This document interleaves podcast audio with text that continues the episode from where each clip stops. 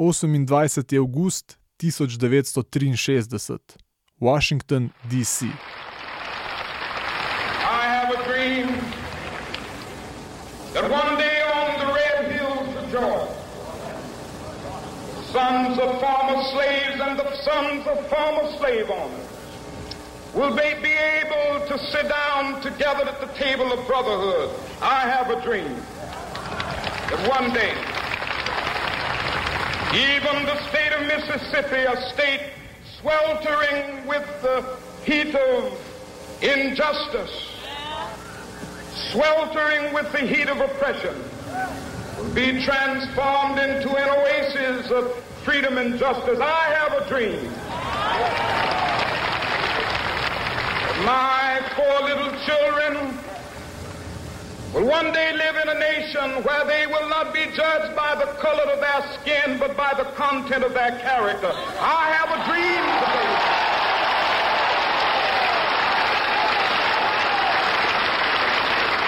I have a dream that one day, down in Alabama, with its vicious racists, with its governor having his lips dripping with the words of interposition and nullification.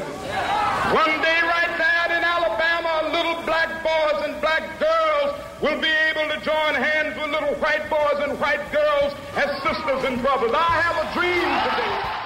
Za vse tiste, ki morda niste prepoznali tega legendarnega monologa, gre za slavni govor Martina Luthera Kinga.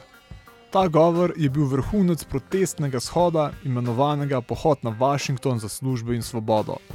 King pripoveduje o sanjah, o lepši prihodnosti za afroameriško skupnost v ZDA.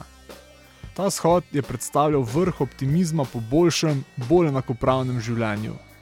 Zdelo se je, da so spremembe tik za vogalom. ZDA so imele mladega predsednika, ki je obljubljal lepši jutri. Celotna družba pa je kar žarela od optimizma.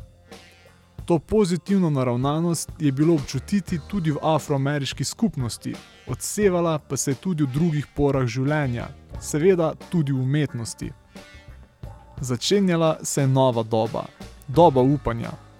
Za to novo ero pa je bila potrebna tudi drugačna glasba.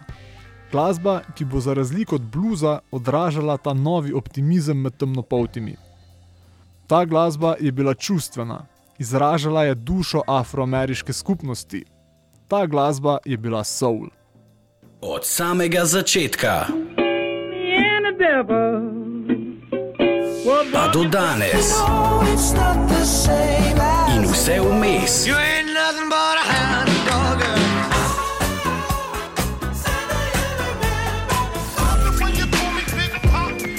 Throw your hands in the air if you's a true player.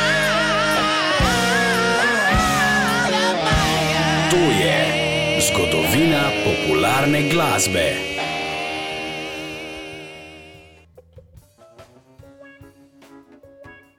Kot pove že samo ime, je soul glasba iz duše.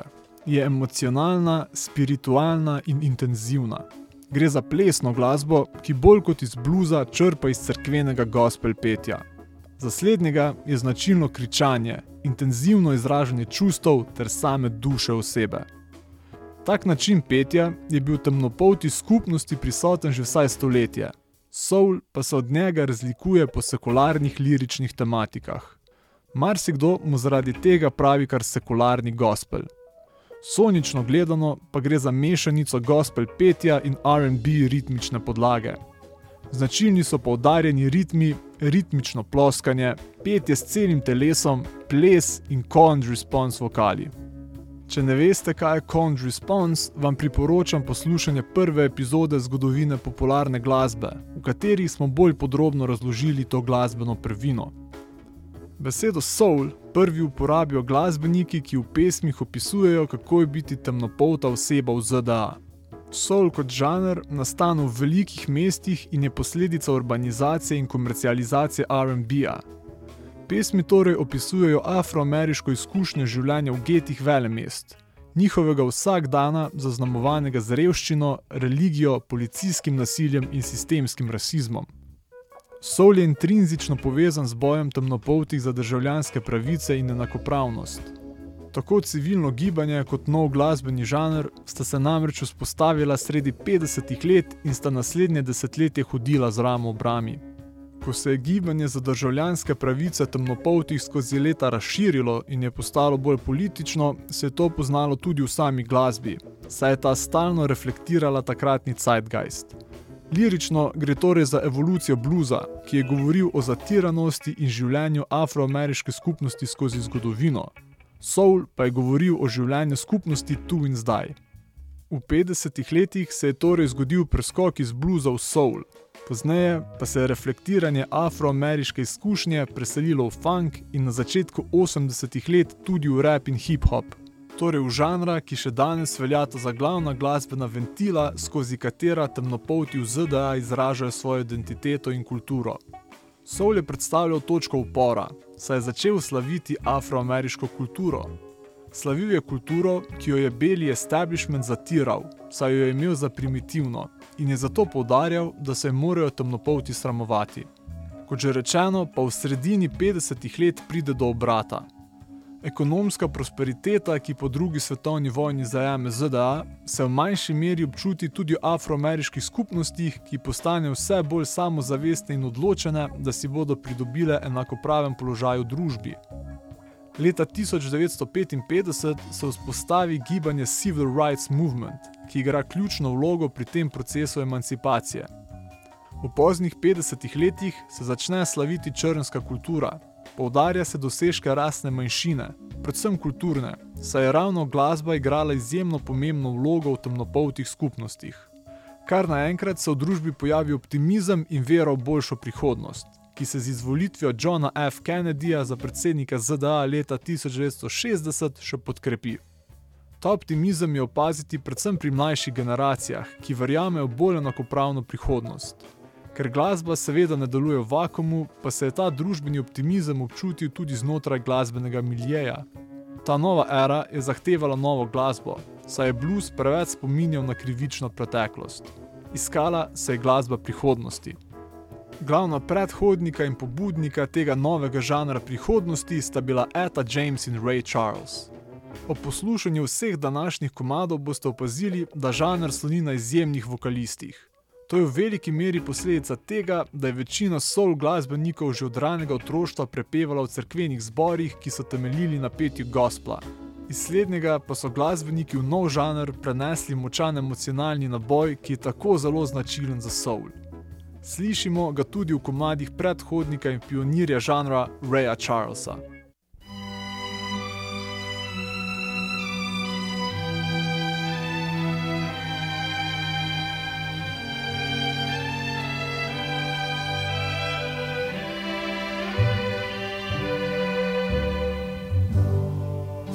Georgia,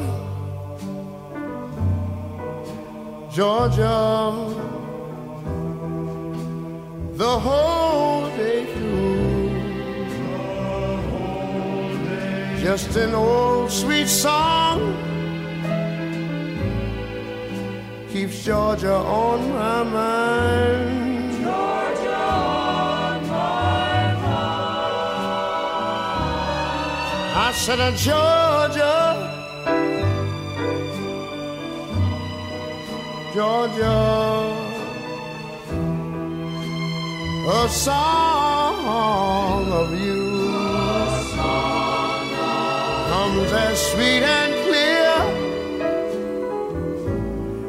as moonlight through the pines.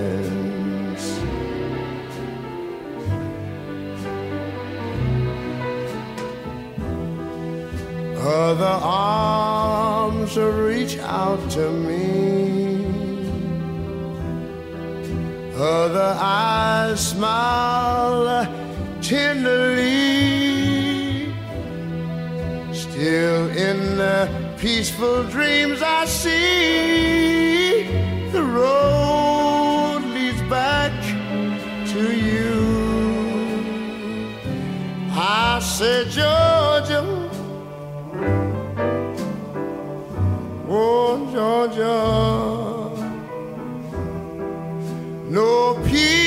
Find. Just an old sweet song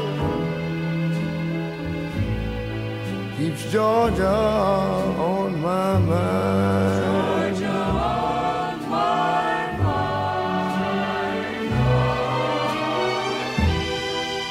Her the arms reach out to me.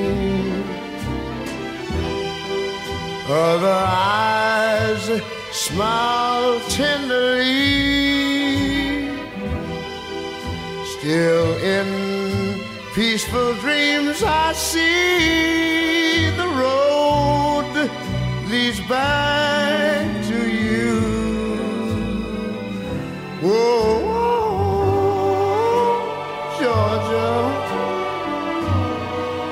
Georgia. I find. Just an old sweet song keeps Georgia on my mind.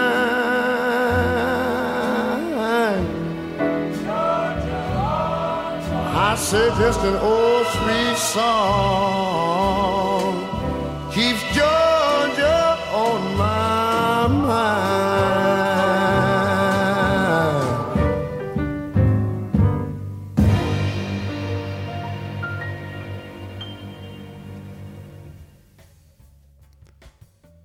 Prelom iz predhodnih žanrov v soul naj bi se po mnenju mnogih glasbenih zgodovinarjev zgodil leta 1957, ko Sam Cooke izda svoj prvi sekularni singel You Send Me. Ta velja za ključni trenutek v razvoju žanra, saj kot prvi odraža Cookov značilen slog, ki kombinira versko in posvetno glasbo. Tudi večina glasbenikov se strinja, da je ravno Cook tisti, ki je kot prvi v novem žanru združil elemente RB-ja, popa in gospla. Sam Cooke je tako zelo pomemben, ker je dokazal, da lahko temnopolti izvajalci preidejo iz gospa v pop glasbo in so pri tem zelo uspešni. V 60-ih letih soul dominira na RB glasbenih lestvicah, ki so bile v segregiranih ZDA namenjene črnski glasbi. Uspeh tega žanra pa je bil tako velik, da je prodrl celo skozi segregacijsko pregrado in zauzel vrhove belskih pop glasbenih lestvic. Sam Cooke tako med letoma 1957 in 1964 na glasbene lestvice spravi kar 30 svojih hitov. Postane idol afroameriške skupnosti, saj ni samo vrhunski glasbenik, ampak tudi angažiran borec za državljanske pravice temnopoltih. Še bolj kot število hitov, pa njegova popularnost dokaže to, da ga je takoj po legendarni zmagi nad Sonjem Listonom v ring povabil sam Mohamed Ali, ki je takrat boksal še pod svojim pravim imenom Cassius Clay. Na mesto v zgodovinski zmagi je Clay govoril o Cooku, ki ga je želel predstaviti širnemu svetu. Sam Cook je veljal za glas mladih, za glas nove generacije, ki si je želela sprememb. Komad, ki sledi, velja za neuradno himno celotnega gibanja za enakopravnost afroameriške skupnosti. Pesem A Change is Gonna Come napiše potem, ko sliši komad Boba Dylana Blowing in the Wind. Ta ga navduši, ker tako odkrito govori o rasizmu in pravicah temnopoltih. Navdahnjen napiše svojo najboljšo pesem, ki pa jo zaradi prezgodnje smrti v živo zapoje le nekajkrat.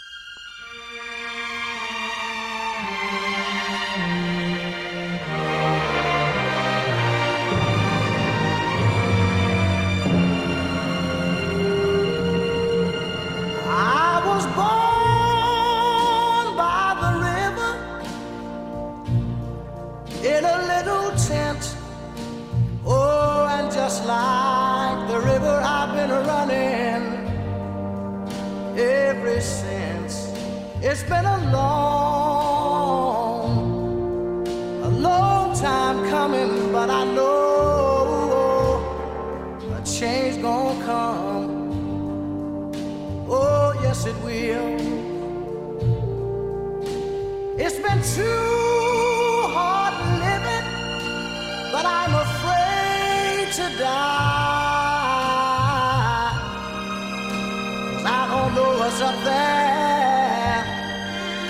beyond the sky. It's been a long, a long time coming. but I know a change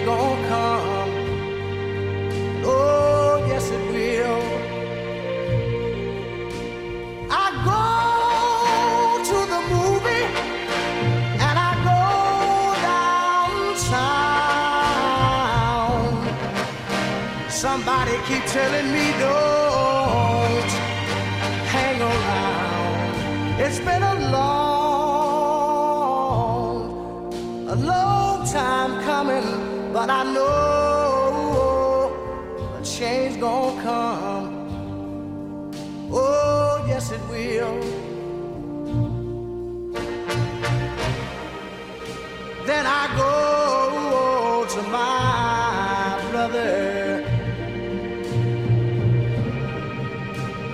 say, brother, help me please.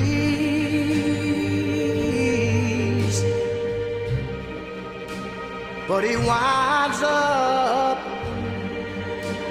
knocking me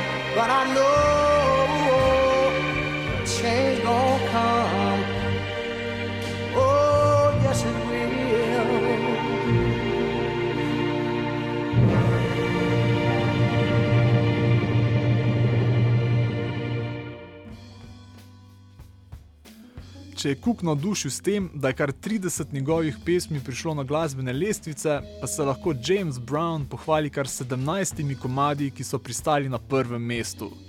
Brown je pisal komade s poudarkom na plesnem ritmu in zabavi. V bolj družbeno kritične teme pa se je spustil leta 1968 s komadom I'm Black and I'm Proud, s katerim je močno spremenil svoj zvok in je neposredno izumil funk, vendar je to že zgodba za drugo oddajo. Kot večina danes omenjenih glasbenikov je tudi James Brown začel kot gospel pevec, na to pa se je navdahnjen s komadi Little Richarda in Raya Charlesa preusmeril v pop vode. Brown je po vsej verjetnosti najbolj vpliven temnopolti glasbenik, saj igra ključno vlogo v RB-ju in soulu. Velja pa tudi za botra funka, ki ga je zaznamoval s svojim sinkopiranim in hitečim groovom. Imel je tudi izjemen vpliv na hip-hop, saj DJ-ji konstantno samplajo njegove komade. Ravno bobnarski break komada Funky Drummer naj bi bil največkrat uporabljen sample na svetu. Poleg vsega omenjenega pa gre po vsej verjetnosti za najboljšega showmana in performerja vseh časov. Na vse zadnje je soul plesna glasba. Njegovi legendarni živi nastopi z neverjetnimi plesnimi gibi pa so se zapisali v anale zgodovine. Brown svojo glasbo od poslušalcev zahteva popolno predanost. Pri takšni glasbi mora sodelovati celotno telo. James Brown velja za referenčno točko glasbenikom, ki so prišli za njim. Izpostaviti velja predvsem Michaela Jacksona, ki je večino svojega sloga pobral ravno pri Brownu. Kot vsi drugi soul glasbeniki je tudi Brown nastopal predvsem na prizoriščih imenovanih The Chitlin Circuit. Gre za nabor koncertnih prizorišč, ki so bila skoncentrirana predvsem v velikih mestih vzhodnih ZDA. Med njimi je najbolj znan newyorški Apollo Theater v Harlemu. Brown leta 1963 tam posname album naslovljen Life at the Apollo, ki velja za enega najboljših uživo posnetih albumov ter tudi za vrhunec soula. Prav tako pa je na tem albumu moč slišati glasbene nastavke, ki so se čez nekaj let razvili v funk. Album je tako uspešen, da pride celo na Billboard, glavno belsko glasbeno lestvico. Če je bil Sam Cooke pionir soula, pa je njegova največja zvezda James Brown. Poznan tudi pod vzdevkom kot sta Butter Soula in Soul Brother No. 1. Za soul je značilno, da so bili pevci tudi izjemni performerji in nihče ni bil boljši kot James Brown.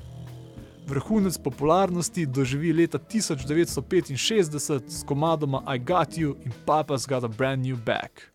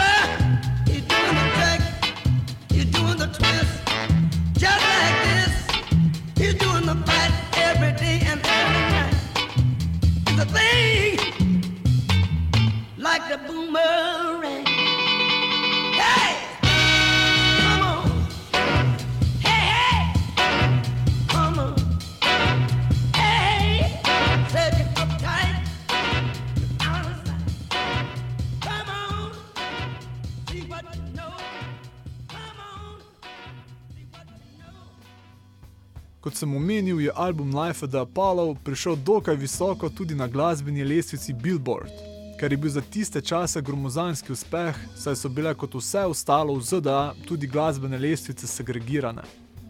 Ključno vlogo pri usponu žanra so igrale neodvisne založbe, kot so Atlantic, Chess, Stax in Motown. Te so producirale črnsko glasbo, ki so jo velike založbe zavračale.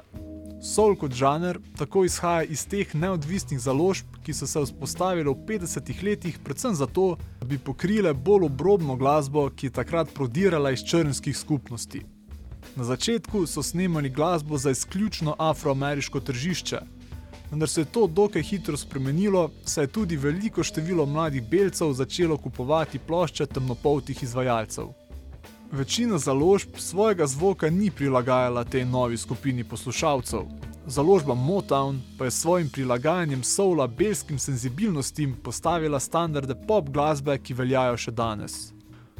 Soulu so malce zmanjšali njegov oster poudarek na ritmu, pihalnim sekcijam, ki so značilne za ta žanr, pa so dodali še veliko orkestracije, ki je bila značilna za belske glasbene žanre.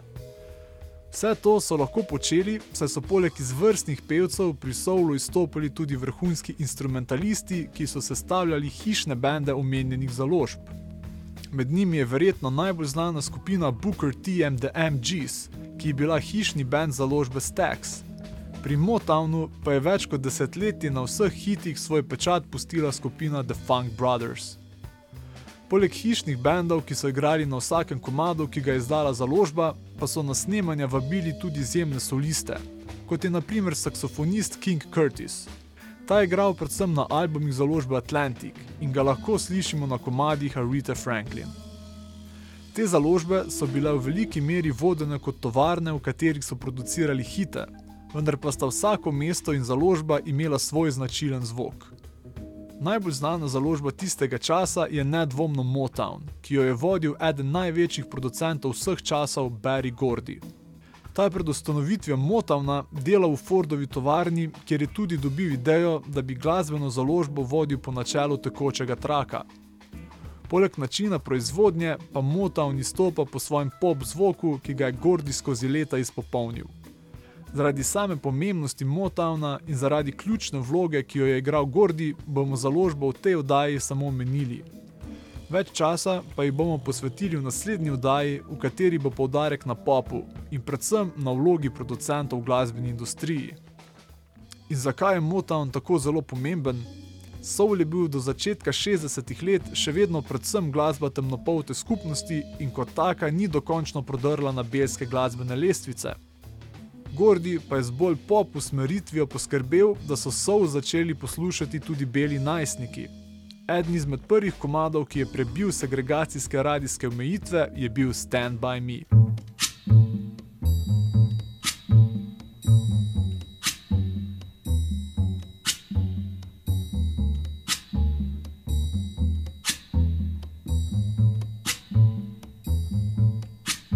When the has come and the land is dark and the moon is the only light we'll see. No, I won't be afraid. Oh, I won't be afraid just as long as you stand, stand by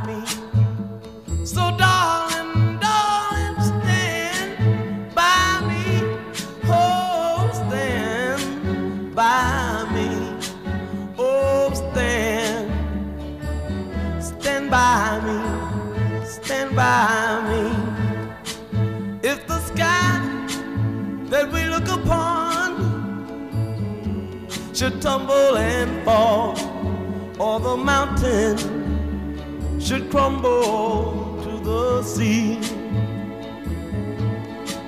I won't cry, I won't cry, no, I won't shed a tear just as long as you stand, stand by me.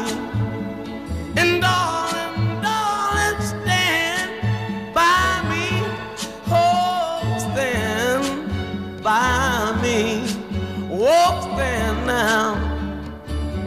Stand by me, stand by me.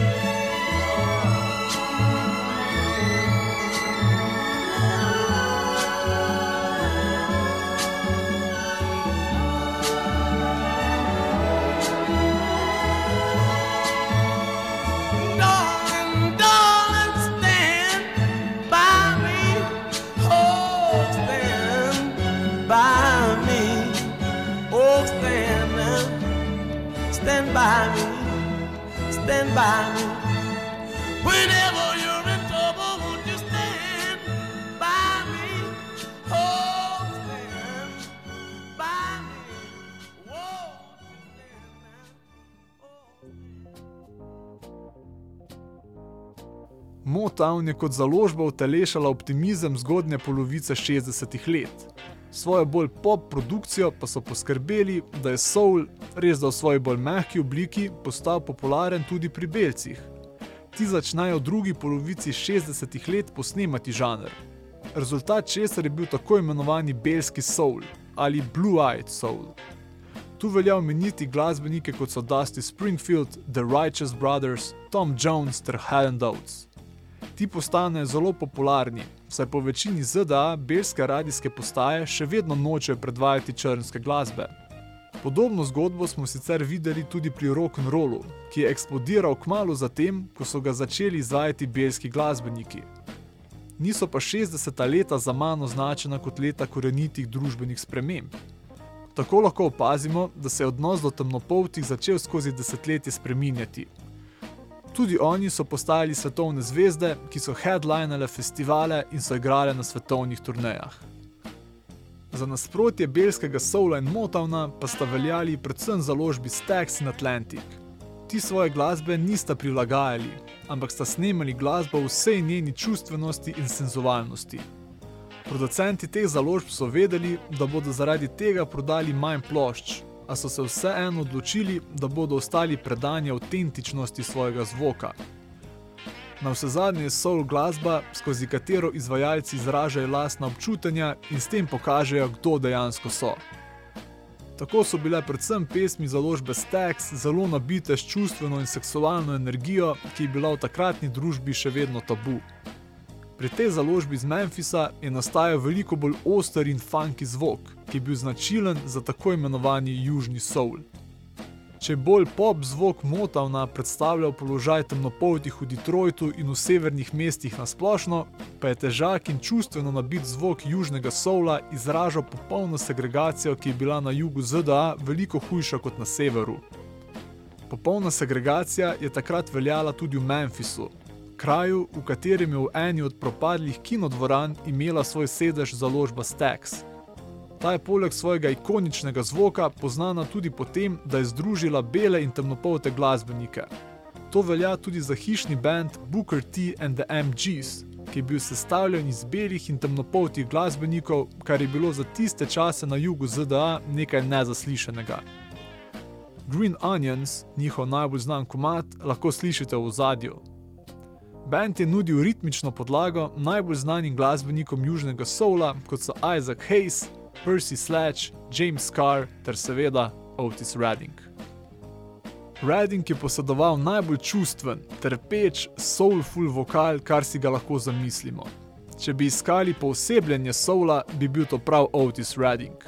Ta je vsak komad zlil še zadnjo trohico svojih emocij, zato ni čudno, da se ga je prijel zdevek kralj soula.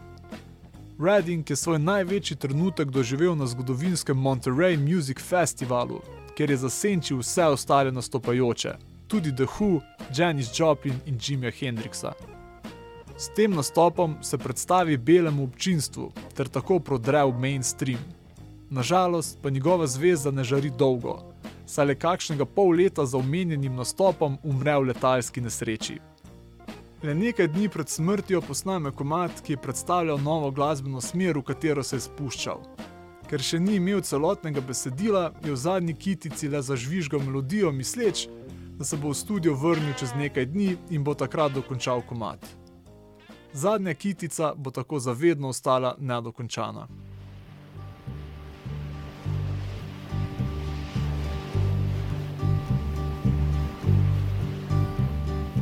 Sitting in the morning sun. I'll be sitting when the evening comes. Watching the ships roll in. And then I'll watch them roll away again. Yeah. I'm sitting on the dock of the bay. Watching the tide roll away sitting on the dock of the bay, wasting time. I left my home in Georgia, headed for the Frisco Bay. Cause I've had nothing to live for, and look like nothing's gonna come my way. So I'm just gonna sit on the dock of the bay, watching the tide roll away. I'm sitting on the dock of the bay, wasting time. Look like nothing's gonna change. Everything still remains the same. People tell me to do. So I guess I'll remain the same. Listen, sitting here resting my bones. And this loneliness won't leave me alone. Listen, 2,000 miles I roam just to make this dock my home. Now I'm just gonna sit at the dock of a bay, watching the tide roll away. Ooh, I'm sitting on a darker bay, wasting time.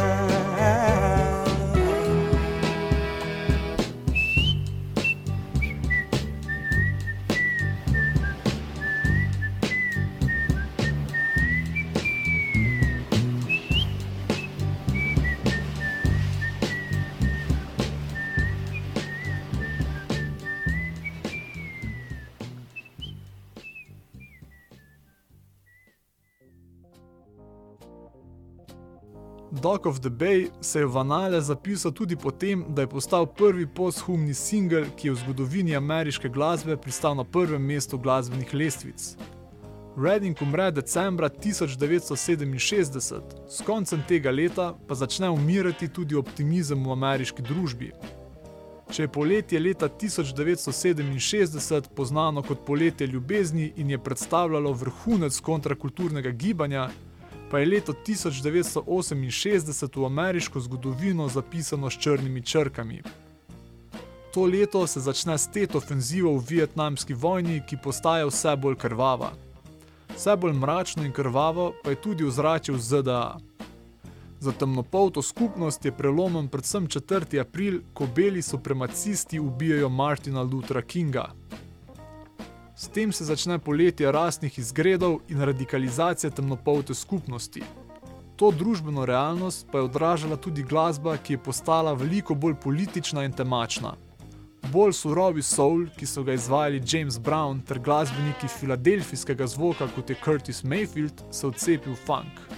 Temnopolti zavrnejo vsako razmišljanje o integraciji v ameriško družbo, saj ta nad njimi še vedno izvaja brutalno nasilje.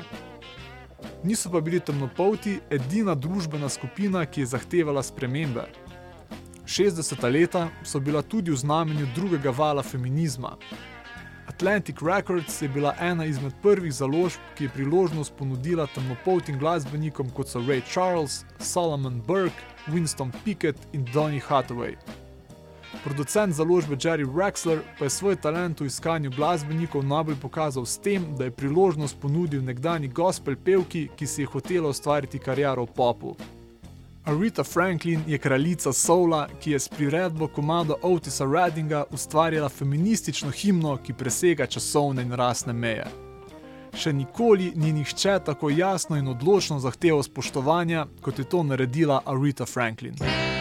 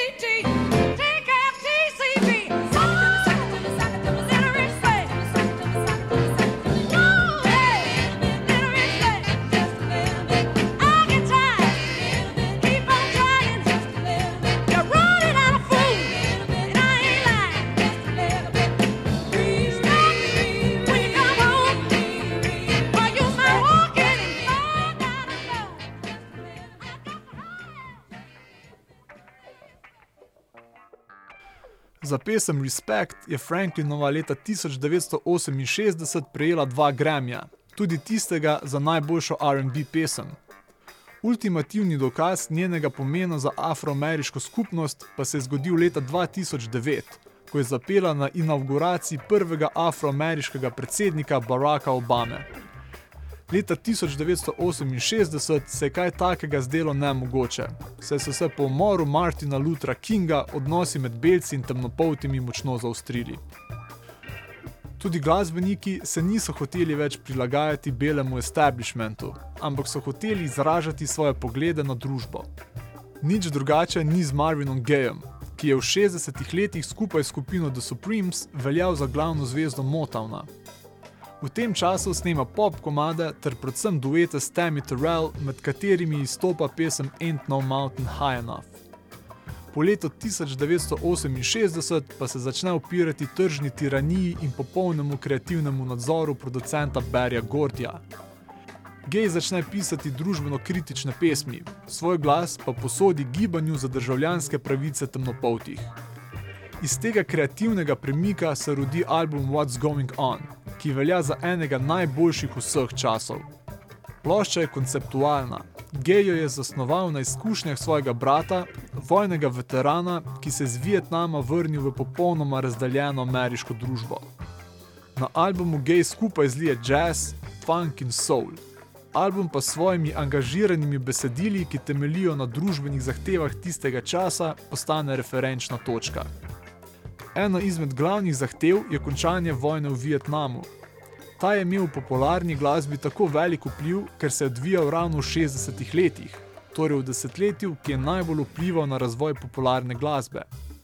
Vietnam je imel tako veliko vlogo tudi zaradi razvoja tehnologije, ki je omogočila, da so vojaki na drugem koncu sveta ohranjali stik s popularno kulturo, tudi z glasbo, saj so lahko poslušali radio in najnovejše komade. Tehnologija pa je delovala tudi v drugi smeri, saj je v domovino z bojišča pošiljala slike uničenja in brutalnosti, ki so še dodatno počgala kontrakulturna gibanja. To spremembo atmosfere v ameriški družbi je lepo zaznati v komadu I Heard It Through the Grapevine.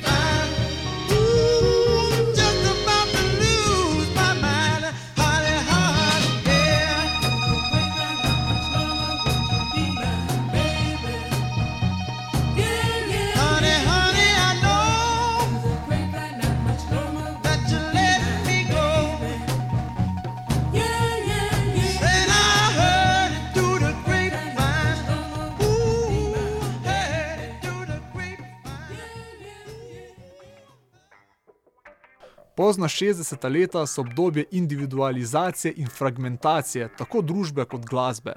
Tudi soul začne razpadati na različne žanre. Nastane funk ter različni podžanri, kot sta psihedelični soul in progresivni soul.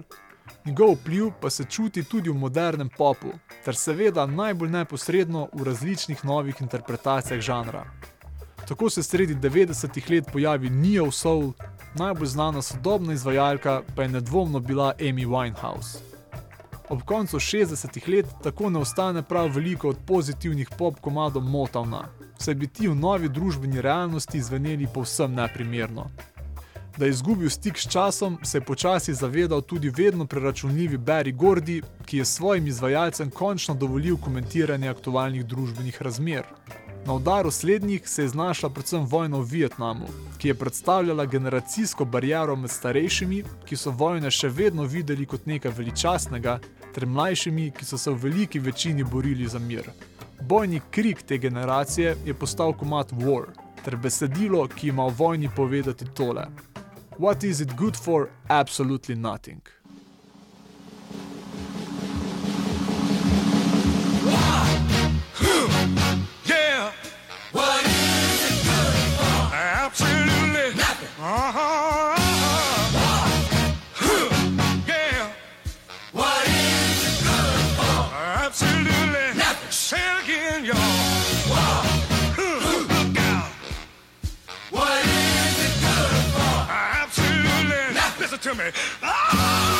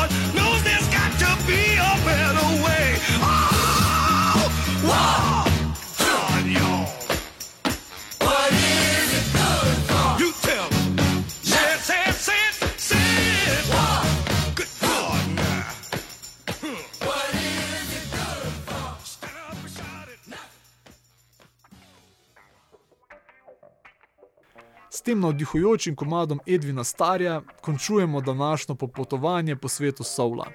Če smo do zdaj govorili predvsem o glasbi, pa se bomo v naslednji oddaji poglobili v glasbeno industrijo. Osredotočili se bomo predvsem na vlogo producentov, saj so ti na začetku 60-ih let obvladovali velik del ustvarjalnega procesa.